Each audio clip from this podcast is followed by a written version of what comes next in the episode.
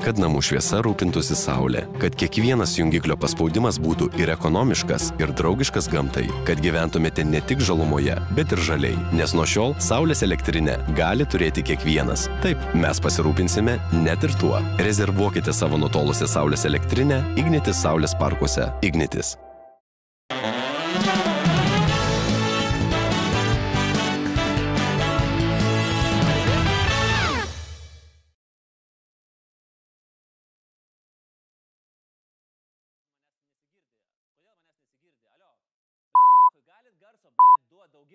Daugiau. Garso, blėt, daugiau. Daugiau, sakiau, garso duodat. Labas, bičiuliai, labas, labas, sveiki, čia laikykitės ten ir aš nekantrauju papasakoti, kas vyko mūsų nuostabioje valstybėje. Buvo gerų dienų, buvo tiesiog geriausių dienų ir buvo dienų liktyčia. Bet pirmi dalykai pirmą. Mes baigiam rinkti pinigus medikams. Hu, baigiam su 2,5 milijono eurų. Atsiskaitėm už tai, ką išleidom, nuorodą mūsų ataskaitos rasite laidos aprašyme ir pinigų dar liko visa krūva. Va, tiek liko pinigų. Va. O. Deja, netaškysim. Geltoni lambo palauks, mes paliksim juos rezervui, nes rudenį nežinia, kaip ten bus, gal jau bus pristatę 5G bokštų ir virusas vėl atgis ir vėl reikės pagalbos medikams. Ir, žinai, aš apie šitą akciją Galėsiu išdidžiai pasakoti savo anūkams. Pasisodinsiu juos prie žydinio, paglostysiu galveles ir sakysiu, kad va štai šitom rankom galėjau pasiimti pustrečio milijono eurų. Ir nepaėmiau. O nukėlė šipsosis, gniauž mažais kumštukais mano nikščius ir galvos, blecha, koks durnas senelis, galėčiau išlaužčiau už jums tuos nikščius už durnumą. Tai aš tik priminsiu. Didžiausia Lietuvos rezonansinė byla.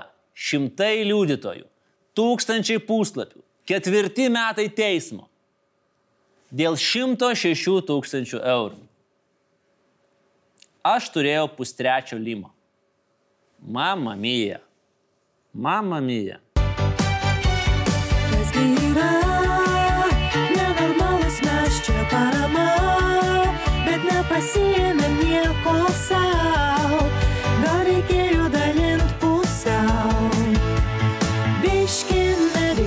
biški ir mums, biški kaukiams, bet ir biški panoms.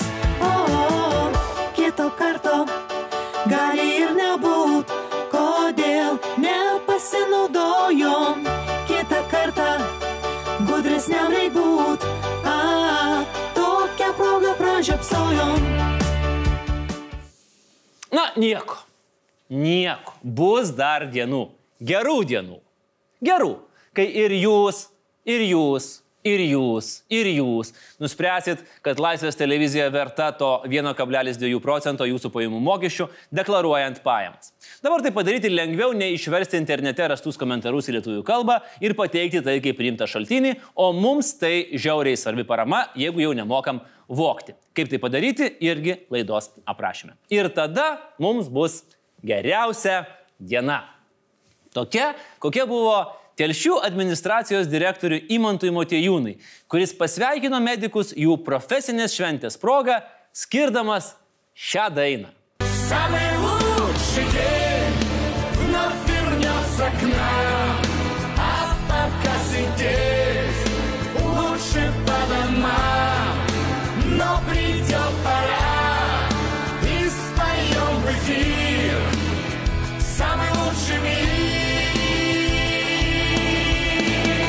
Telšių vadovybės muzikinis skonis nekinta. Pamenat, prieš keliarius metus vasario 16 jie pasitiko su Belai Rozai, Belai Rozai. Dabar yra samai lūčiai dien. Nu, toks jausmas, kad telšių vadovybėje ne žmonės sėdi, o taksisto dušmano magnetolas. Galėtum sakyti, kad nemaža dalis telšių medikų galėjo nieko nesuprasti, bet administracijos direktorius paslaugiai išvertė, kad čia pati geriausia diena, pati nuostabiausia diena ir jis žemai lekėsi medikams. Nelenkėsi, o lekėsi. Bet negali norėti, kad administracijos direktorius dar ir mokėtų skaityti ir rašyti. I picked number three. You don't even want to read them first? I was elected to lead, not to read. Galėtum sakyti, kad na, lietuviai yra sukūrę bent keliolika padėkos dainų medikams ir nu, tikrai buvo galima pasirinkti kurią nors. Nu bet, žinai, jeigu telšiai paruskiai skamba labiau duševnai, tai yra laisva šalis ir dainuojam, ką norim. Problema tik, vat, kad tas atlikėjas dainuoja, tai yra Grigorijai Lieps, jis yra šūdo gabalas. 18 марта, день выборов. Я выбираю сильного президента. Я выбираю Путина.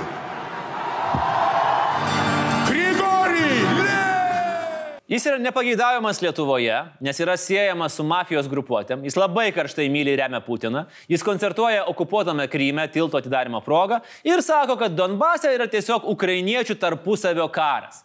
Ir jis sveikina telšių medikus. Va toks nemažas lepsusas gaunasi. Administracijos direktorius tai aišku nejaudina, jis traukia seną melodiją, sakydamas, nepainiokim muzikos su politika, žiūrėkim ne į atlikėją, o į dainos esmę. Kas tiems motijūnams yra? Vienam su nugaramžinos problemos būdavo, kitam žiūri su galva problemos. Žiūrėkime. Štai dar kelios dainos ir atlikėjai, kurie tikrai galėtų patekti į garso kasetę geriausi telšių valdžios gabalai. Sveikinimas naujųjų metų proga.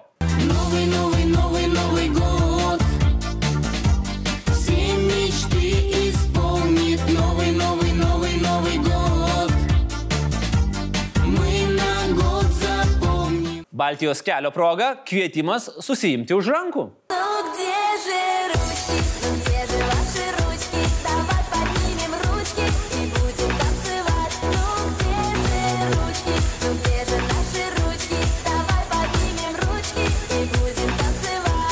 Be abejo, kasetėje turėtų būti, kasetėje privalo būti specialus telšių garbės piliečio Orlando Pakso pasirodymas. Vodačka, vodačka.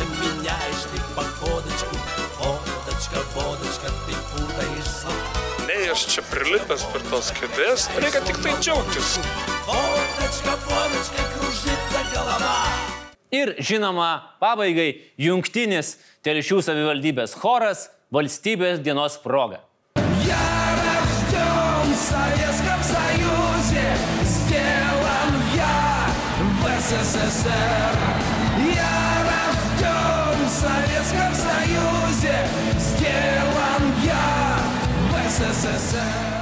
Geriausių dienų laukia ir vyriausybės komunikatorius Gedrius Surplys, kuris pagautas šiek tiek gražinantis skaičius, sakė, kad svarbu yra tempas. O skaičiukai neturi sutapti kaip loterijoje jėga 2. Mano supratimu, čia yra labai svarbu tempas, kad kartais galbūt e, skaičiukai ir neturi sutapti kaip e, jėgos du ar, ar kokioj nors kitoj loterijoje, bet svarbu, kad žmonės laiku gautų kuo išsamesnį informaciją. Va, svarbu, kad išsamei. Nesvarbu, kad skaičiukai nesutampa. Ir dar pridūrė, kad jo darbas yra neteisinga statistika pateikti, o pasakyti, kokie mes šaunuoliai. Kad mes esam tiesiog šokolade. Mes esame šaunuoliai. Skaičiukai ir neturi sutapti kaip loterijoje. Mirties rizika yra 14,8 procentų. Panašu, kad geresnių dienų laukia ir Šiaurės Korejos lyderis. Nepasirodęs svarbiausioje šalies šventėje savo senelio Kim Jong-ilo gimimo metinių minėjime, Kim Jong-unas privertė visą pasaulį susirūpinti. Kas yra? Versijų būtų įvairių. Jis slepiasi nuo koronaviruso, nes dar balandžio pradžioje šalis fiksavo nulį susirgymų.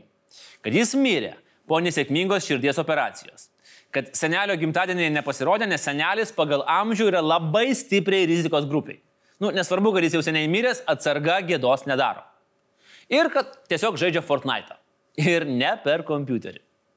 Nors nėra absoliučiai jokios priežasties nemanyti, kad vienas iš šimtų šalia jo besisukinėjančių generolų tiesiog užrakino į kambaryje ir dabar neišleidžia. Kol informacijos nėra, visi variantai yra galimi. Na bet Pietų Koreja praneša, kad didis lyderis yra sveikas, gal taip ir yra. Kalbant apie dinkstančius lyderius.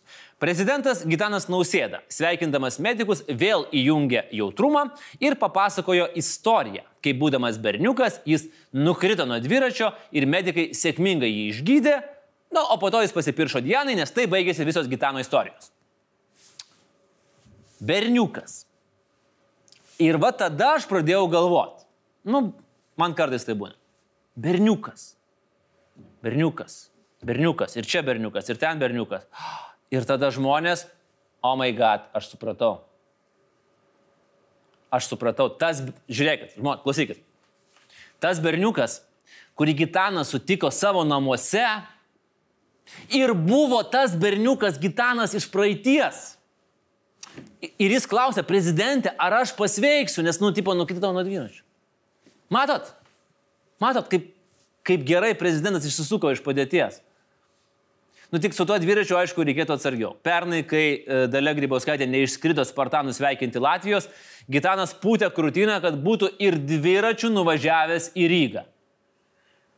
Kaip matom, nelabai būtų nuvažiavęs, kur nors prie Bauskės būtų išsidrėbęs. Na, bet žodžiu, lauksim kitų jautrių istorijų su berniukais iš prezidento kalbų rašytojų skyrius. O kol prezidentas berniukus išsigalvoja, Ramūno Karbauskio vaikai juos gimdo. Kas yra gera žinia Ramūnui, nes jis dar kartą tapo seneliu. Kas yra bloga žinia berniukui, nes jo senelis yra Ramūnas Karbauskis. Medikus su jų profesinė diena sveikino ir premjeras, ir ekskomisaras Saulis Kvernelis. Neišgirdom nei vienos gražios istorijos, nei apie berniuką, nei apie keliuką, bet išgirdom gerų dalykų. Pavyzdžiui, apie tai, kad nuo gegužės 11 karantinas gali būti nepratestas. Įsivaizduojat? Karantinas gali būti nepratestas. Aš šitų žodžių pasilgau labiau negu žodžių Andriu, aš paskyriau savo 1,2 procento pajamų mokesčio laisvės televizijai. Aišku, jeigu karantino nepratęs, mes vis dar turėsime laikytis visų saugumo reikalavimų, bet užtat laukia. Laukia. Laukiu, kada pasibaigs karantinas vien tam, kad galėčiau nueiti į bardaką ir pasitikrinti, ar nesu sapne, nes je- jeigu ten mane įleis, galit nepergyventi, visa tai buvo tik mano sapnas. Kalbant apie viešas vietas ir išėjimus į lauką, kai kurių didžiųjų miestų barai atsidarė savo lauko terasas ir jau sulaukė pirmųjų lankytojų. O kai kurie nusprendė, kad atsidaryti neapsimoka, nes iš lauko terasų, kuriuose gali būti tik po du žmonės, nepavyks išgyventi. Į pagalbą Vilniaus kavinėms ir restoranams atėjo Super Remigijus ir jų lauko kavinėms padovanojo vos ne visas Vilniaus viešas vietas. Ir nuo šiol Lietuvos sostinė yra Kavilnius. Nu, su tuo padovanotu Vilnium tai reiktų atsargiai. Nes po kelių metų norėsi Vilniui vadovauti, o tau sakys, negalima, ne tavo, padovanojai, nebeturi. Na, o taip pat Vilnius paleido talonus, kuriuos nusipirkęs panaudoti galėsi tada, kai tavo mėgstamas restoranas ar baras atsidarys. Tai dabar, kai kažkas mėgins susitikti po karantino, jūs nebegalėsite sakyti tiesiog, ai, nu tai gerai, susirašom, tikrai reikia susitikti. Dabar jau turėsit, kaip sandorio patvirtinimą, nusipirkti bendrą taloną. Oi, tie talonai. Pamenat? Aišku, pamenat. Remarko juodąjį obeliską, kur Hebra prisipirko maisto talonų ir žaibiškai kylant infliacijai vos nesubankrotino vargšą restorano savininką. Numovė paskutinius pantalonus, jeigu taip galima pasakyti. Arba tuos kitus talonus. Žiūrėkit, buvo Vagnorkės, na, o dabar bus Šimaškės. O Kaunas tuo metu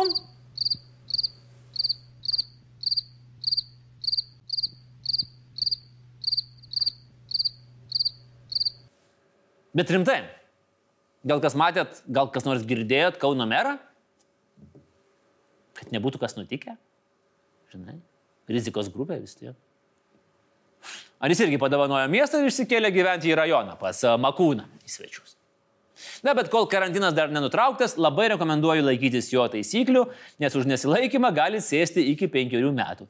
Taip sakant, reikia pasėdėti savo namuose, kad nereiktų pasėdėti pataisos namuose.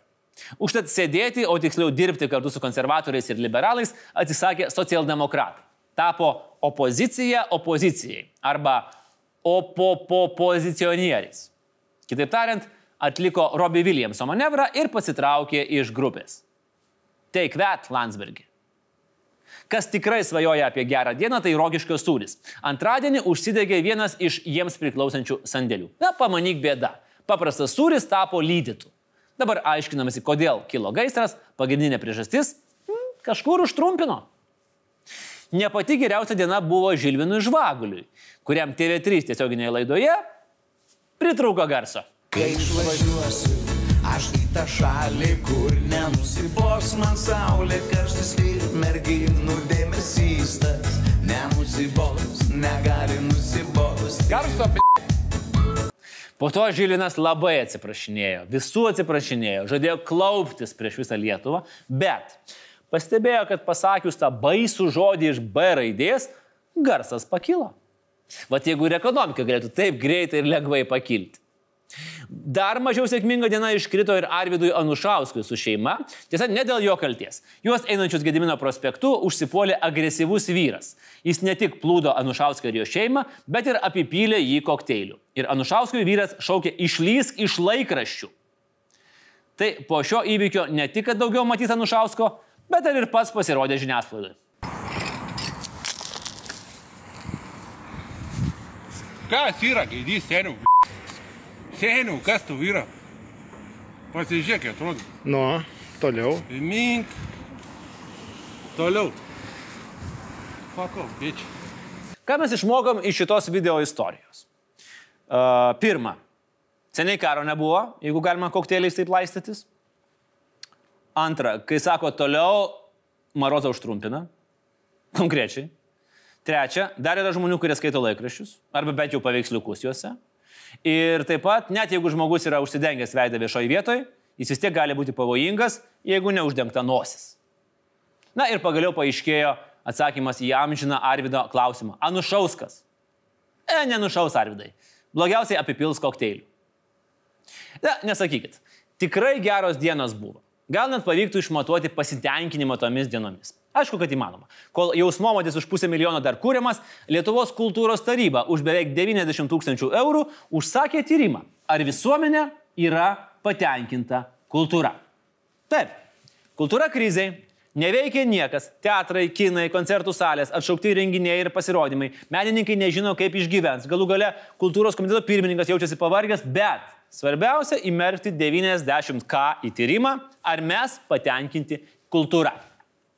Tokie tyrimai jau buvo daryti anksčiau, bet 17 tyrimas kainavo 3 kartus pigiau. O šiaip į šį klausimą buvo galima paklausti vieno žmogaus - Žilino Žvagulio, kuris visiškai nemokamai pasakytų, ko visiems kultūros žmonėms šiuo metu labiausiai trūksta. Garso Ir nereikia jokių ten tyrimų. Ne, bet šitas tai žinokit, oi, ne, bet, nu, tikrai, šitas tai jau bus toks, kad visi apsivoš. turi būti ap- apklausima, jeigu aš dabar tikrai daugiau nei 3000 asmenų ir tai turi būti, reiškia, fiziniai pokalbiai, tai reiškia, tai negali būti uh, pokalbiai telefonu. Klausimynas bus iš 20 puslapių. Tai jeigu pradėdamas pildyti tą klausimyną arba atsakinėti klausimus dar galėjai būti patenkintas kultūra, tai baigdamas jau tikrai nebus. Na, galbūt bus patenkinti tik tie, kurie gaus tos 90 tūkstančių. Žodžiu, apibendrinant, pasitaikė tikrai gera savaitė. Maždaug tokia. Garso Ačiū. Dėkoju visai jūsų bendruomenė. Skaičiukai ir neturi sutapti kaip jėgos du ar, ar kokioj nors kitoj loterijoje. Kas yra gaidys, seniau? Atsistosiu ir nusilenksiu visiems. Mes esame šaunuoliai. Fuck off, bitch. Na, o šiandien mes pakalbėkime apie tai, ko nemėgsta ekonomistai, bet kas labai patinka grikiams. Ne, ne apie nausėdą, pakalbėsime apie krizę.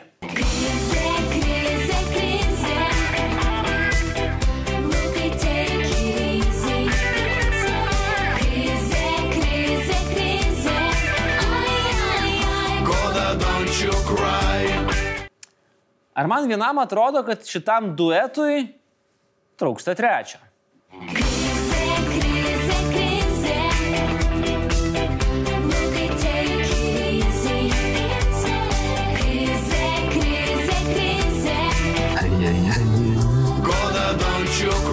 Aurelijau, don't you cry. Kas gali būti blogiau už krizę? Taip, taip, taip, taip, teisingai. Dvi krizės.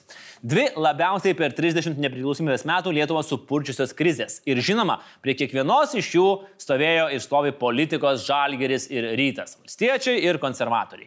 Pykosi irgi panašiai kaip rytas ir žalgeris. Artėjant karantino pabaigai, pagaliau pagaliau atėjo laikas baksnuot pirštais ir aiškinti, kad aš tai viską būčiau daręs kitaip. Konservatoriai aiškina, kad valstiečiai viską daro blogai. Valstiečiai aiškina, kad jie viską daro gerai, o Landsbergistai savo galimybę prašyko dar aštuntais. Ir todėl dabar nėra čia ko aiškinti. Bet kodėl? Visą pandemijos laikotarpį miegoja Ramūnas su Gabrielium staiga pratrūko kaip paauglio spogai. Tie, kas laimės rinkimus. rinkimus. Apie rinkimus. Rinkimuose.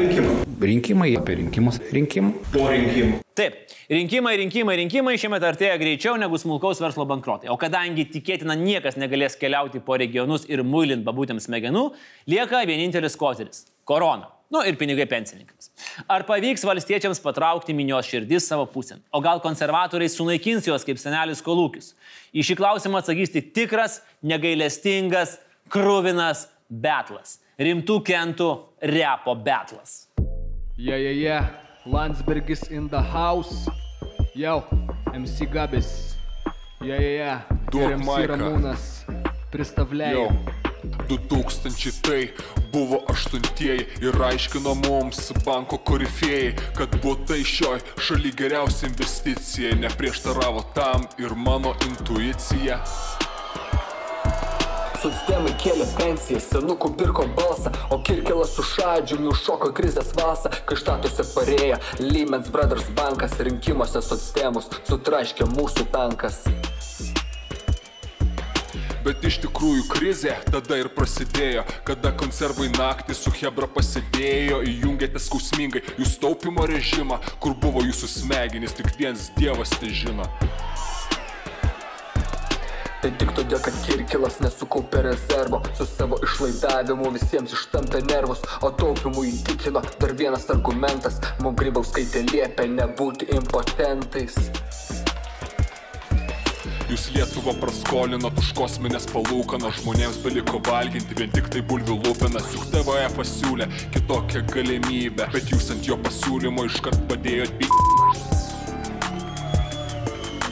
Šiam argumentui tavo iškart darau kastraciją Nes TVF grėsė mums lito devalvacija Pavyko tąsi krizę normaliai suvaldyti Nors pensijas reikėjo konkrečiai apkarpyti Nu nežinau, aš tai kitaip iš krizės būčiau ėjęs, ant paramos iš užsienio nebūčiau skersodėjęs ir žirklių į rankas neduočiau šimonytį, kad negalėtų ji biudžeto apkarpyti. Tik tai jau ant ingridas netrupinkit batoną rinkimus pritrupinat ir taip ne vieną toną Tai pasakykim aiškiai, kodėl dabar mes tylim, dėl krizės aišku kaltas visa tyra kubelius.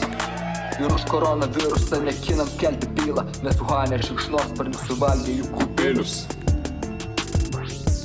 Na, o kol vyrai matuojasi, kino ilgesnis pasiekimų sąrašas, mes apžvelgime abi šias krizės iš arčiau. Pirmas klausimas, kuris kyla prisiminus aštuntų krizę, tai ar ją buvo galima numatyti? Gal visgi ne.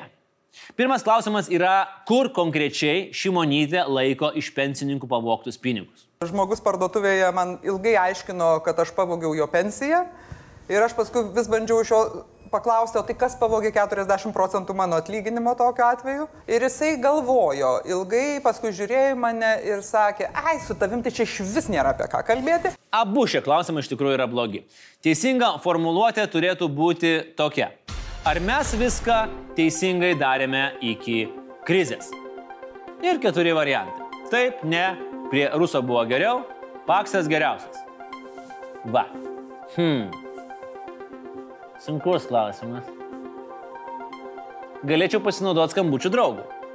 Turiu menį ne draugą, gal bičiulį. Nu, ne bičiulį, o tavarišių. Gedimina Kirkilą. Labadiena. Sveiki, Gediminai.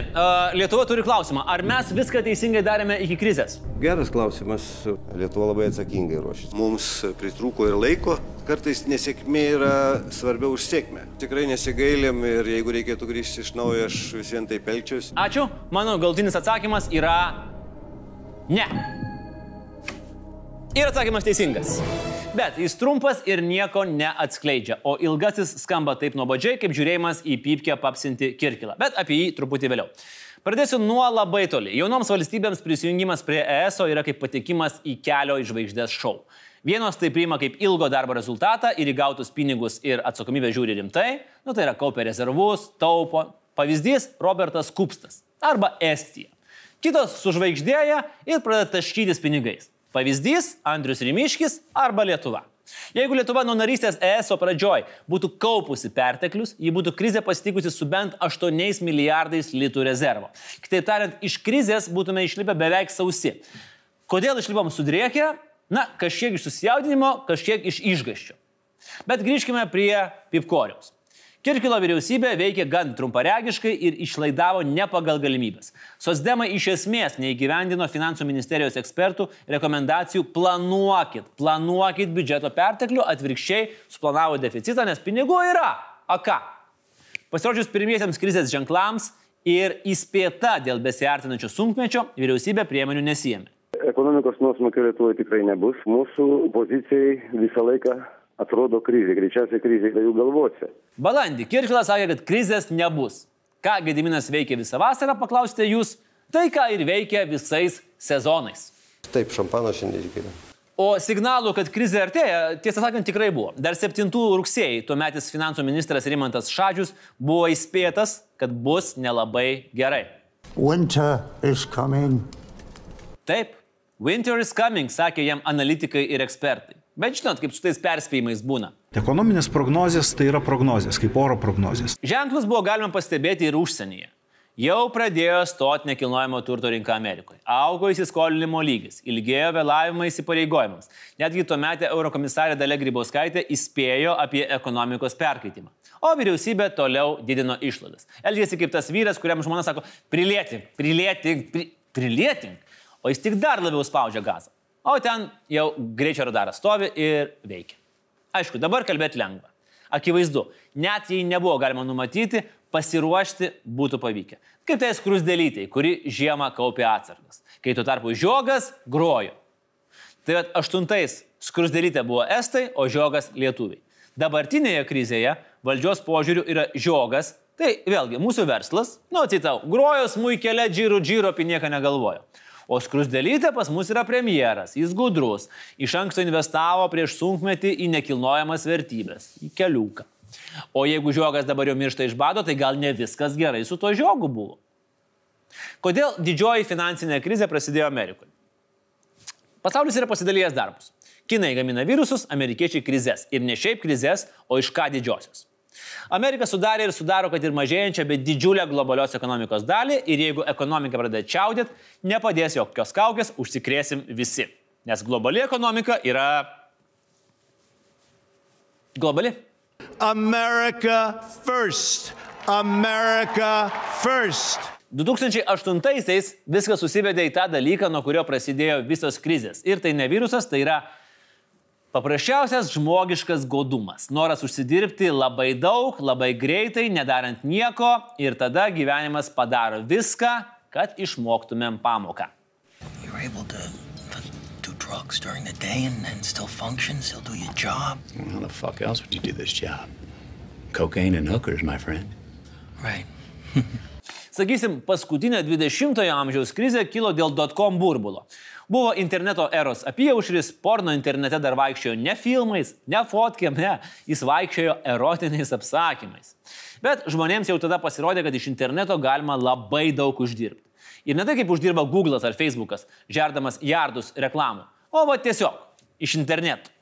Nu, dabar prasme, paimi kokią nors nesąmonę, nu nežinau, va, seną, o. Ir perkeli jį į internetą. Netgi Bluetooth'o ne, neprijungi, kas yra skandalas, nes visi žino, kad bet kas su Bluetooth'u yra daug geriau. Ir sakai, visiems žiūrėkit, čia yra ateities sportbatis. Jis yra internete. Ir tada visi puola investuoti. Ir tada pamato, kad e, eiktų nesikeikiant, bet čia yra senas būcas. Ir jau vėlu, nes burbulas sproksta. 2008-aisiais burbulas buvo kitoks. Jis išsipūtė Amerikos būsto rinkoje, mandrai tai vadinosi subprime lending, o paprastai durnas skolinimas. Didelis Amerikos skirtumas nuo kito pasaulio, ten visiems norisi turėti savo namą. Pas mus, nu ką, norisi turėti, kad lietus ant galvos nelytų. Nu, kad ir nakvynės namai, kad ir perkunkėmis. Aš ir dar neaišku, kur stogas tvirtesnis ir privatumo daugiau, o amerikiečiams norisi namo. Mane? Ir tada susidėjo keli dalykai. Pirma, bankininkai primetė, kad jeigu yra žmonių, kurie nori namo, bet neišgali, tai jiems galima skolinti už didesnės palūkanas. Profit. Vargoliai nudžiugo ir ėmė skolintis ir pirkti namus. Nu, žinai, ai, nu kažkaip išsimokėsiu, nu, tai nu, išsimokėsiu kažkaip. Nu, davė Dievas dantis, davė duosi duonus. Nu, profit. Tada pamatė kiti bankai. Draudimo bendrovės. Žiūrėk, žiūrėk, žiūrėk, koks pelningas traukinys važiuoja. Negi mes nespėsim į paskutinį vagoną. Ir aišku, puolė skolinti.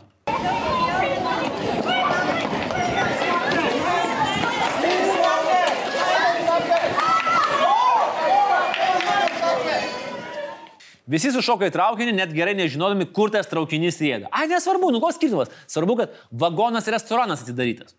Kad būtų galima greičiau ir daugiau paskolinti, pradėjo pro pirštus žiūrėti į užstatomo turto vertinimą. Irgi profit. Profit tai profit, bet, kaip sako klasikai,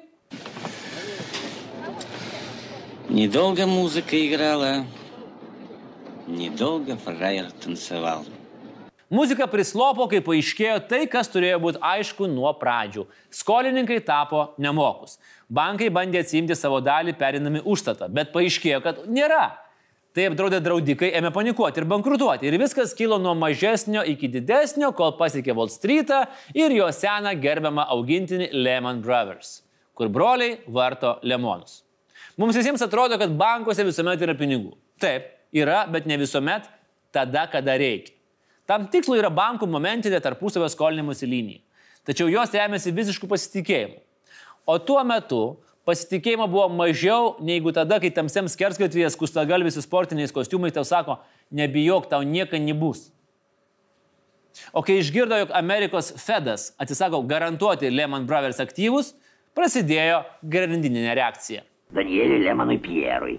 Danieliui Lemonui Pierui. Danieliui Lemonui Pierui. Danieliui.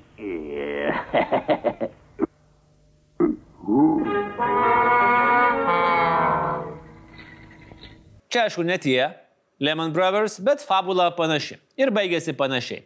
Valstybė ėmė nacionalizuoti bankus, akcijų kursai ėmė kristi, kadangi visi puolė keisti savo aktyvus į kešą, kešo gaudavo vis mažiau, leisdavo jie atitinkamai irgi mažiau, krentant vartojimui krito gamyba, krentant gamybai atleidžiami žmonės, atleidžiami žmonės dar mažiau vartoja, tada gamyba krenta dar labiau, žodžiu.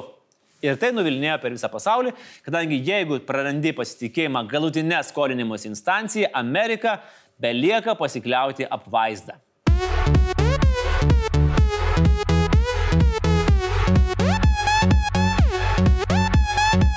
Ir čia esminis skirtumas ir panašumas su nūdienos krize.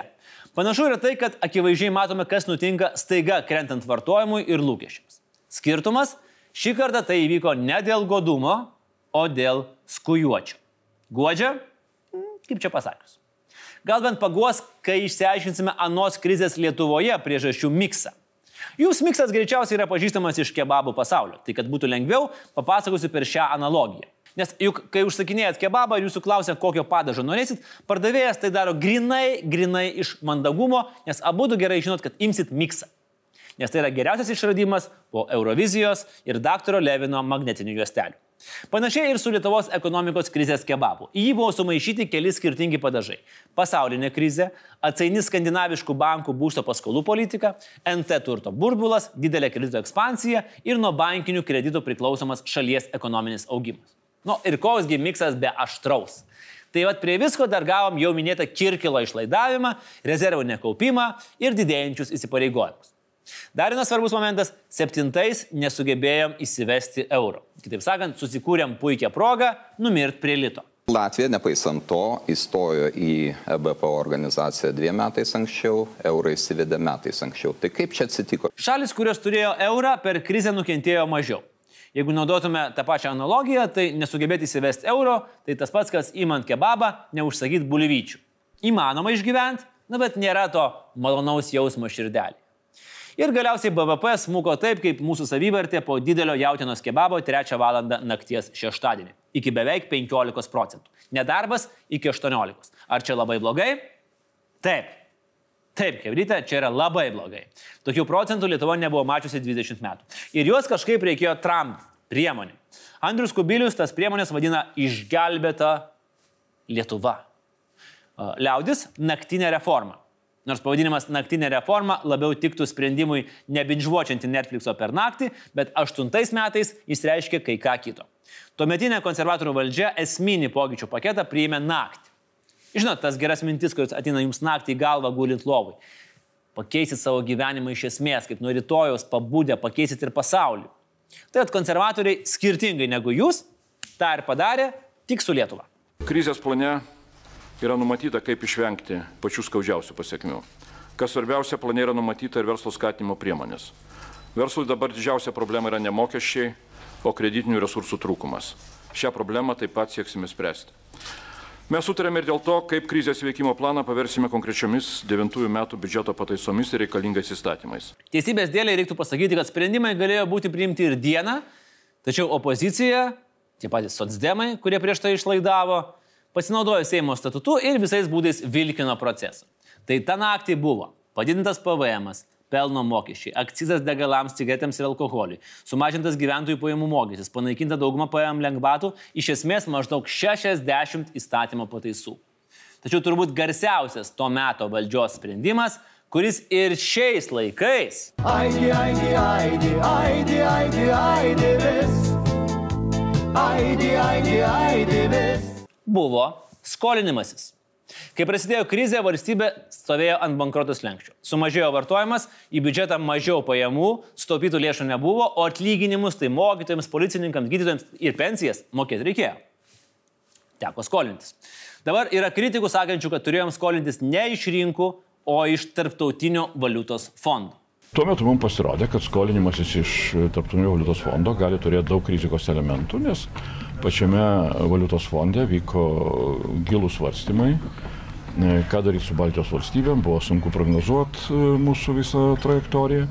Ir vienas iš labai tokių svarbių tų svarstymų temų buvo tai, kad e, Baltijos valstybės reikia versti devalvuoti savo valiutą. TVF palūkanos buvo mažesnės, o Lietuva iš komercinių bankų skolinosi 7,5 milijardo eurų dvigubai didesniam palūkanom, siekiančiam iki 9,3 procento. Bet laisvai, be jokių suvaržymų. Ir jie beje ir argumentavo, kad fondas būtų reikalavęs dar griežtesnio taupimo viešojo sektoriaus darbuotojų sąskaitą. Teoriškai pensijos, mokytojų atlyginimai, mediko atlyginimai, nedarbo išmokos būtų dar labiau sumažinti. Bet yra ir kita priežastis. Eurokomisarė Grybauskaitė ketinimus skolintis iš TVF tuo metu pavadino politinę impotenciją. O tuo metę mūsų vyriausybė pagal moterų vyrų santyki tikrai buvo galima pavadinti dešrelių baliumi.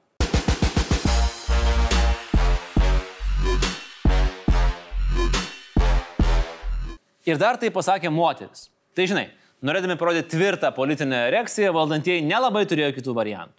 Ir naratyvas Kubilius praskolino Lietuvą puikiai veikia ir šiandien. Dabar mes šnekam apie tyrimus. E, Skolinimas į tris kartus brangesnis negu galėjo būti. Už be galo didelės palūkanas dėl to, kad valstybė skolinosi už tokias palūkanas. Kada apklausos komisijoje Kubiliui užduodamas klausimas, o kodėl už tokias palūkanas skolinas, kai galėjo tai daryti tris kartus pigiau, jisai sako, mums buvo pasakyta, kad mes busim impotentai. Kai jau vyriausybei nebesiseka daugiau niekas, tada pradeda tirti konservatorius. Tiesa, vos nepamiršau ir pensijų sumažinimą. Dar žinoma kaip pensininkų genocidas.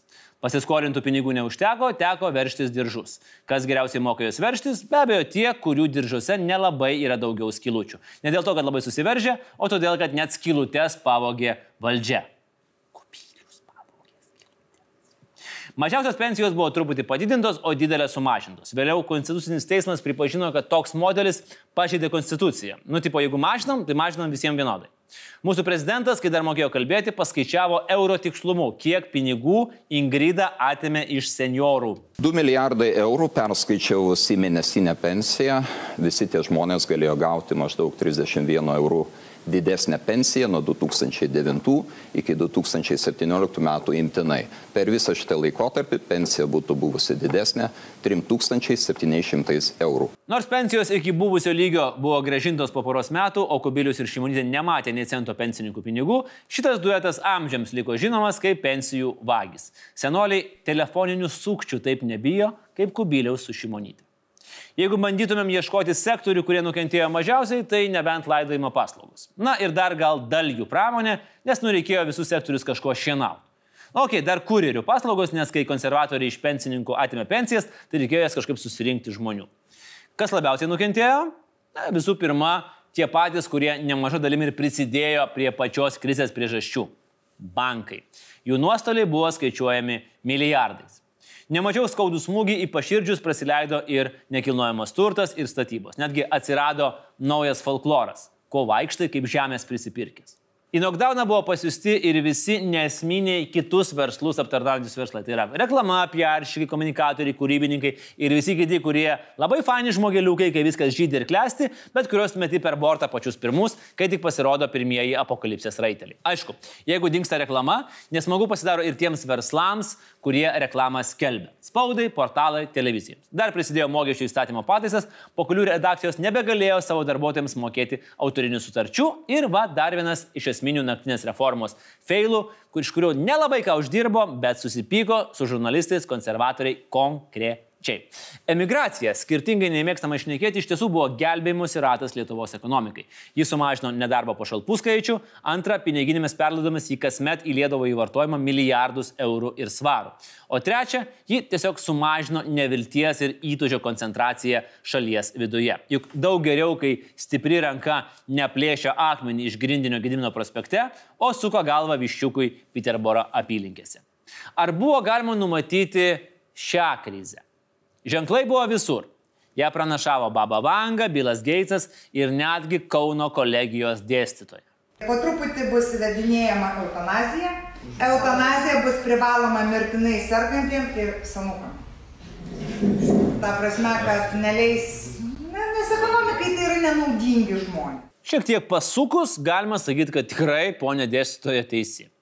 Nors skeptikai sako, kad krizės buvo skirtingos ir bla bla bla, bet kam tas įdomu, kai ryškiai matosi tendencijos. Todėl mes pasinaudosim mūsų seno gero laidos draugo patarimu. Čia negalima lyginti, bet jeigu mes palyginsim. Jeigu pradėsim lyginti, pirmas dalykas, kuris krenta į akį, o labiau jausi, yra kažkur girdėta terminologija. Skirtumas tik toks, kad dabar turėjome ne naktinę reformą, o naktinį sprendimą. Ok, sutapimas, gerai. Aurelijus dviem dienom uždarė kai kuriuos mobilius punktus Vilniuje ir Kaune. Nežinau, ar ministras buvo per daug pavargęs, ar nesugebėjo daugiau įsakymų priimti, ar tiesiog buvo penktadienio vakaras ir beveik šeštadienis, o kaip sakė vienas žymus valstietis, Šiaip tai yra šiandien šeštadienis, man atrodo, ir aš tikrai politiką šeštadienį nesidomiu. Šimašius piktinosi dėl sprendimo, nausėda dėl paskelbimo laiko, o pats Veryga piktinosi besipiktinančiais. Norėčiau paaiškinti pačią virtuvę, kaip tie sprendimai yra priiminėjami ir, ir galbūt paraginti politikus tiesiog dirbti savo darbą, galų gale naktimis reikia miegoti, tam skirti laiką, nekomunikuoti socialiniuose tinkluose. Eh, Aurelijau, tavo žodžius kubilių jausis. Na, aišku, tada e, normaliai Facebook'u dar niekas nesinaudojo, tai neturėjo kur komunikuoti. Kartojasi ir pensininkų genocido linija. Skirtumas tik toks, kad šį kartą galime nedėti kabučių. Miršta rizikos grupės asmenys, pensininkai priklauso rizikos grupiai, sutapimas, Kiek gali būti sutapimų? Bet yra ir neatitikimų. Matot, dabar pensijų nemažina, o jie vis tiek miršta. Tai kaip ir pensijų mažinimas nepriveda prie genocido, na nebent prie tokio, kai pensininkas geną negalės iš savo pensijos nusipirkti netgi sido. Dar vienas panašumas - krizės sprendimo įrankiai. Jie iš esmės nesikeičia. Keičiasi situacija ir efektyvumas, kaip jie naudojami. Bet aš turiu dar tokią vieną crazy idėją. Gal reikėjo šitos krizės sprendimui pasiimti patyrusi krizių sprendiką Kubilių. Nes žiūrėkit, jis iš reitingų dobės vis tiek neišsikapstys niekada, jis turi patirties ir plus, jeigu kažkas nepavyks, visada galėsim sakyti, kad kalti konservatoriai. Nes šitą galima kartot ir kartot ir kartot. Konservatoriai. Konservatoriai. Konservatoriai. Ir esminis skirtumas tai yra valdžios pasiryžimas netaupyti ir nesiveršti diržų. Jie sako, vartoti ir skatinti vartojimą. Pirmi žingsniai jau žengti. Pakėlus algas viceministrams, kancleriams, vyriausybės darbuotojams ir kitiems valdininkams jau turim grupę, kuri paskatinta vartoti. Dar būtų galima kokius nors kalėdinius priedus išmokėti, vasarą Hebra dar labiau vartotų, arba pagaliau surasti ekonomikos ir inovacijų ministrą ir mokėti jam algą, už kurią žmogus galės vartot. Vyriausybė siūlo kiekvienam pensininkui duoti po 200 eurų išmoką, kas reiškia, kad pinigų turės arba telefoniniai sukčiai, arba kubilius su šimonyte, nes tikrai arba vieni, arba kiti ateis į atims. Dar vartojimas skatins tokios baltos plasmasinės kėdės, kadangi su kelionėmis šią vasarą bus ne kažką, tai ilsėsimės balkonuose, o ten juk nestovėsi kaip durnius visą mėnesį. Reiškia, pirksim lauko baldus, pirksim šašlaikinės. Nu, čia galėtų ir prezidentas prisidėti, atnaujinęs savo marketinginę akciją, susitikime už šašlaikinės. Ir dar, karantinas trunka pakankamai ilgai, kad jaunos poros jau pradėtų darytis vežimėlių, drabužėlių, automobilinių kėdučių, šliauštinukų. Galėtų būti net ir valstybės lozungas. Užsimk seksu, gelbėk ekonomiką. Šiuo metu kaip valstybė turime daugiau rezervų. Taip pat galime skolintis pigiau ir daugiau. Vietinių verslų bankrotų rizika mažesnė. Bankai turi daugiau kapitalo ir gali nestabdyti kreditų. Didelę ekonomikos dalį, ypač didmešiuose, sudaro stiprios užsienio įmonės, kurios neskuba atleisti darbuotojų. Iš esmės, per dešimt metų tapome stipresnė ir tvaresnė vakarietiška ekonomika. Ir be to, turime eurą ir neturime kirkilo. Bet nepaisant to, šios dvi krizės iš esmės yra skirtingos. Atitinkamai ir sprendimo būdai privalo būti skirtingi. Tu nelaimėsi biliardo partijos taikydamas bowlingo taisyklės. Jeigu vienu atveju iš visų, jeigu mest suktą yra going for the strike, tai kitu atveju mest kamoliuką yra going to the jail if you strike. Todėl sakyti, kad dabartinė valdžia tvarkosi geriau, nėra tikslu. Ji tvarkosi kitaip. Ar geriau, pamatysim vėliau. Gal net iki rinkimų. Gal tada, kai pradės ant galvų kristi pinigai. 2008 metų pamokos gali praversti, jeigu prasidės labai rimta likvidumo ir finansinė krizė. Bet kažin, ar jos tada jau labai padės, nes tada tikrai prireiktų aukštesnių jėgų pagalbos. Jeigu mes pradėsime žiūrėti tik tai atgal, tai ir žengsime žingsnius atgal. Reikia žiūrėti į priekį. Jeigu krizė bus normaliai valdoma, tam tikras 8 metų pamokas galėsim nusinešti į 22 metus, kai reikės pradėti galvoti, kaip pradėti gražinti šiandienos krizės suvaldymui pasiskolintus pinigus. Ir tada turėsim šūkį, kas pravalgė Lietuvą. Karbauskis. Nes, kaip sako, absoliučiai fantastiška mineralinio vandens vytutas reklama, grožio salonai nepadės, jeigu nenustosi ėsti. Tad tiek šiandien. Laimės ir sveikatos. Ir nepamirškit, kad kaukės vis dar reikalingos. Nu ką jūs čia bijot, kaukė užsidėk, kažin kur nuo jūsų. Jau konservatorių aš tikrai jūsų neiškrėsiu jokių koronaviruso. Nu, užsidėsiu, kad jūs nešauktumėt. Iki kitos savaitės. Ate.